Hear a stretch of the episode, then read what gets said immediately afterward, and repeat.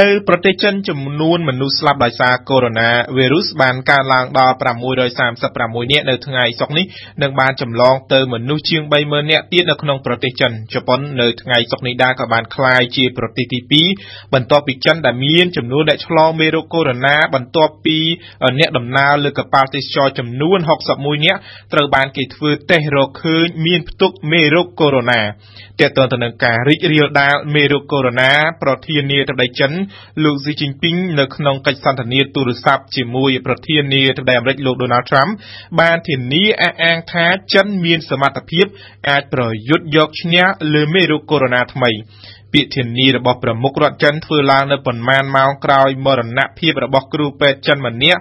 ដែលកំពុងបំផុសបំផុលឲ្យមានប្រតិកម្មរិះគន់និងខឹងសម្បាពីសំណាក់ពលរដ្ឋចិននៅក្នុងប្រទេសចិនអាញាធរចិនកំពុងប្រឈមនឹងការរិះគន់ក្នុងស្រុកដោយសារមរណភាពរបស់គ្រូពេទ្យជុំវិញរឿងនេះយើងមានអន្តរាគមពីជាងបូផា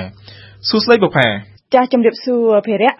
បុប្ផានៅពេលនេះចំនួនមនុស្សស្លាប់ដោយសារមេរោគកូវីដ -19 ថ្មីបានកើនឡើងដល់636នាក់និងឆ្លងទៅមនុស្សជាង30000នាក់ទៀតនៅក្នុងប្រទេសចិនប្រធានាធិបតីចិនលោកស៊ីជីនពីងនឹងក៏បាននិយាយតាមទូរស័ព្ទប្រាប់ប្រធានាធិបតីអាមេរិកថាចិនមានជំនឿយ៉ាងមុតមាំទៅលើសមត្ថភាពរបស់ខ្លួនដើម្បីប្រយុទ្ធប្រឆាំងយកឈ្នះមេរោគកូវីដ -19 ថ្មី ចាប់តាំងពីមានផ្ទុះជំងឺរាតត្បាតកូវីដ -19 នៅក្នុងប្រទេសចិននេះជាលើកទី3ដែលប្រធានាធិបតីចិនចេញមុខធានាអះអាងពីសមត្ថភាពរបស់ចិននៅក្នុងការដោះស្រាយវិបត្តិកូវីដ -19 ហើយលើកនេះលោកបានចេញមុខនិយាយដោយផ្ទាល់ជាមួយប្រធានាធិបតីអាមេរិក។ ចាស់ភិរៈតាមទូរទស្សន៍រដ្ឋចិន CCTV គឺថានៅក្នុងកិច្ចសន្ទនាតាមទូរស័ព្ទនៅព្រឹកថ្ងៃសុក្រនេះប្រធានាធិបតីចិនលោកស៊ីជីនពីងនឹងបាននិយាយប្រាប់លោកដូណាល់ត្រាំថាចិននឹងគឺថាបានប្រើគ្រប់មធ្យោបាយហើយចាត់វិធានការពេញផ្ទៃប្រទេសតែម្ដងដើម្បីប្រឆាំងទៅនឹងជំងឺកូវីដ -19 វីរុសថ្មី លោកស៊ីជីនពីងគឺថានៅបានបញ្ជាក់ធានាទៅមេដឹកនាំអាមេរិកថាចិននេះភារៈគឺជឿជាក់ទៅលើសមត្ថភាពរបស់ខ្លួននៅក្នុងការប្រយុទ្ធយកឈ្នះទៅលើមេរោគកូវីដ -19 ថ្មីដោយបញ្ជាក់អះអាងពីសមត្ថភាពហើយនិងមធ្យោបាយដើម្បីឆ្លើយតបទៅនឹងការរីករាលដាលរបស់មេរោគកូវីដ -19 ថ្មីនេះភារៈ ប្រមុខរដ្ឋចិនមើលទៅកំពុងតែចង់និយាយបញ្ចុះបញ្ចូលអាមេរិកនឹងជាពិសេសឲ្យជឿទុកចិត្តទៅលើសមត្ថភាពរបស់ចិនតាមទីភ្នាក់ងារព័ត៌មានចិន Xinhua គឺថានៅក្នុងកិច្ចសន្ទនាតាមទូរស័ព្ទជាមួយនឹងលោក Donald Trump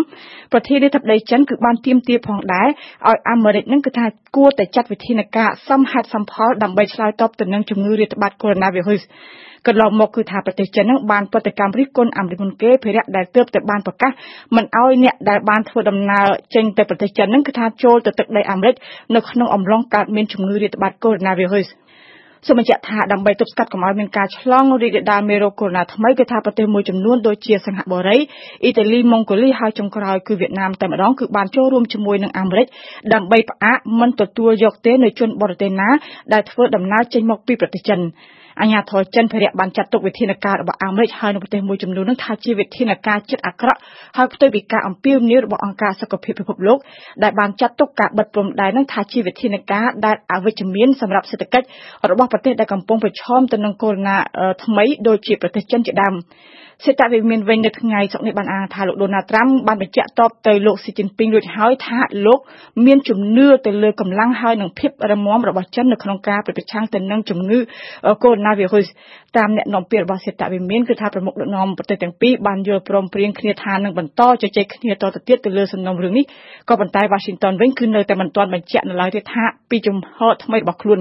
ថាតើ Washington សុខចិត្តលុបចោលទៅវិញនៅវិធានការហាមមិនទទួលអ្នកដំណើរមកពីប្រទេសចិនដែរទេនៅក្រៅកិច្ចសន្ទនារវាងលោកដូណាល់ត្រាំហើយនិងលោកស៊ីជីនពីងនេះភារៈយើងនឹងរងចាំមើលរឿងនេះបន្តទៅទៀត បុផាប្រធានាធិបតីចិននិយាយធានាប្រធានាធិបតីអាមេរិកថាចិនមានជំនឿទុកចិត្តថាអាចយកឈ្នះលើមេរោគកូវីដ -19 ប៉ុន្តែនៅក្នុងប្រទេសវិញអាញាធរចិន កំពុងរងការរិះគន់បន្ទាប់ពីមានដំណឹងស្ដីអំពីមរណភាពរបស់គ្រូពេទ្យលោកលីវិនលៀងដែលជាមនុស្សដំបូងបំផុតដែលបានទាញសញ្ញាអាសន្នស្ដីពីគ្រោះថ្នាក់របស់មេរោគកូវីដ -19 តើលោកគ្រូពេទ្យលីជាមនុស្សពិសេសប៉ុណ្ណាបានជាមរណភាពរបស់គាត់គាត់ជំរុញឲ្យមានមតិរិះគន់ខ្លាំងម្ល៉េះនៅក្នុងប្រទេសចិននោះបុផាបាទ ចាស់ភិរិយនៅប្រទេសចិនមរណភាពរបស់វិជ្ជបណ្ឌិតលីវិនលៀងគឺបានបណ្ដាលឲ្យមានប្រតិកម្មសោកស្ដាយរំលែកទុកសោកផងហើយនឹងការខឹងសម្បាផងពីអ្នកពីសំណាក់អ្នកប្រើប្រាស់អ៊ីនធឺណិត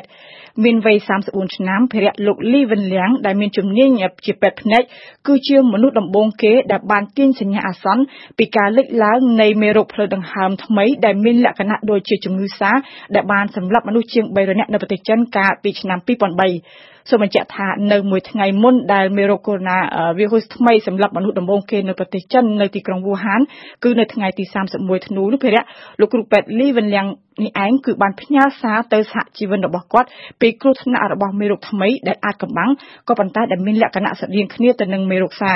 ក៏ប៉ុន្តែពីថ្ងៃក្រោយគឺនៅថ្ងៃទី1មករាលោកលីវិនលៀងហើយនិងគ្រូពេទ្យ7នាក់ផ្សេងទៀតត្រូវបានប៉ូលីសនៅទីក្រុងវូហាននឹងកោះហៅហើយបានបញ្ជាឲ្យចុះហត្ថលេខាមួយដែលនៅក្នុងនោះក្រុមគ្រូពេទ្យត្រូវសន្យាជប់ជាបន្ទាន់នៅសកម្មភាពដែលអាជ្ញាធរចិនចាត់ទុកថាជាសកម្មភាពបង្កអសន្តិភាពសង្គមកាលពីថ្ងៃទី10មករាកន្លងទៅលោកគ្រូពេទ្យលីវិនលៀងដែលសកម្មខ្លាំងបង្ហោះសារនៅតាមបណ្ដាញសង្គម Weibo ដែលមានលក្ខណៈដូចជាបណ្ដាញសង្គម Twitter នោះគឺថាបានសរសេរថាលោកគឺចាប់មានអាការៈគ្រុនក្តៅខ្លួនហើយនឹងក្អករហូតមកត្រូវចូលសម្រានពេទ្យនៅថ្ងៃទី30មករាគេបានរកឃើញថាលោកលីវិនលៀងបានឆ្លងមេរោគកូវីដ -19 នៅពេលដែលលោកបានព្យាបាលអ្នកជំងឺហើយតាមកាសែតរដ្ឋចិនគឺថាមន្ទីរពេទ្យចិនបានប្រកាសកាលពីយប់ថ្ងៃប្រហោះម្សិលមិញពីមរណភាពរបស់វិជ្ជបណ្ឌិតវ័យក្មេងមួយនេះអ្វីដែលធ្វើឲ្យអ្នកប្រើប្រាស់អ៊ីនធឺណិតចិនខឹងសម្បាខ្លាំងលើសពីការសម្ដែងទុកសោកទៅទៀតនោះភិរៈគឺលោកគ្រូពេទ្យលីវិនលៀងជាអ្នកចេញមុខមុនគេដើម្បីទាញសញ្ញាអាសន្នពីគ្រោះថ្នាក់នៃមេរោគកូវីដ -19 ក៏ប៉ុន្តែផ្ទុយទៅវិញលោកបែរជាទៅអាជ្ញាធរចិននឹងនៅនៅទីក្រុងវូហាននឹងចាត់ទុកជាសត្រូវដែលគ្រោះថ្នាក់សម្រាប់សម្ដាប់ធ្នាប់សង្គមចិនទៅវិញភិរៈ បុផាចង់ឬមិនចង់មរណភាពរបស់លោកគ្រូពេទ្យលីបានបំផុសឲ្យមានការទាមទារសិទ្ធិសេរីភាពបញ្ចេញមតិដែលគេមិនសូវជាលឺច្រើនទេនៅក្នុងប្រទេសចិន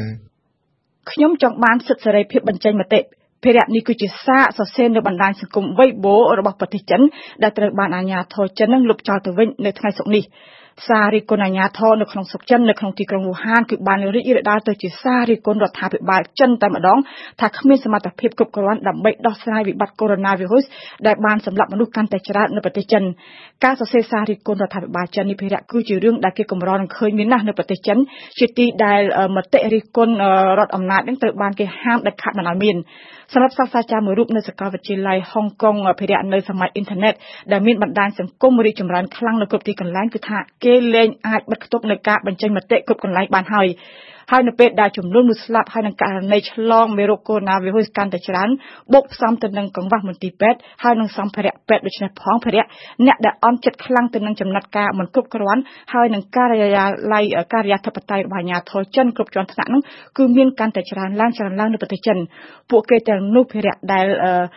លែងដែលខ្លាចនៅការឆ្លងមេរោគកូវីដ -19 ជាងការទទួលការពិន័យហើយនឹងចាប់ដាក់ឃុំពីអាជ្ញាធរទៀតនោះគឺថាលែងខ្លាចហើយនឹងបញ្ចេញមតិផ្ទាល់ខ្លួនដើម្បីរិះគន់រដ្ឋាភិបាល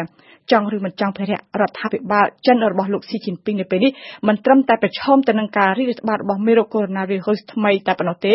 លោកប្រឈមផងដែរទៅនឹងការដាក់សម្ពាធពីប្រទេសខាងក្រៅហើយជាពិសេសតែម្ដងគឺត្រូវប្រឈមខ្លាំងទៅនឹងមតិរលករិះគន់ហើយនឹងការដាក់សម្ពាធរបស់ប្រជាជននៅក្នុងស្រុកចិនផ្ទាល់តែម្ដងអភិរិយអរគុណជាងបុផាសម្រាប់បទអន្តរាគមន៍នារាត្រីនេះ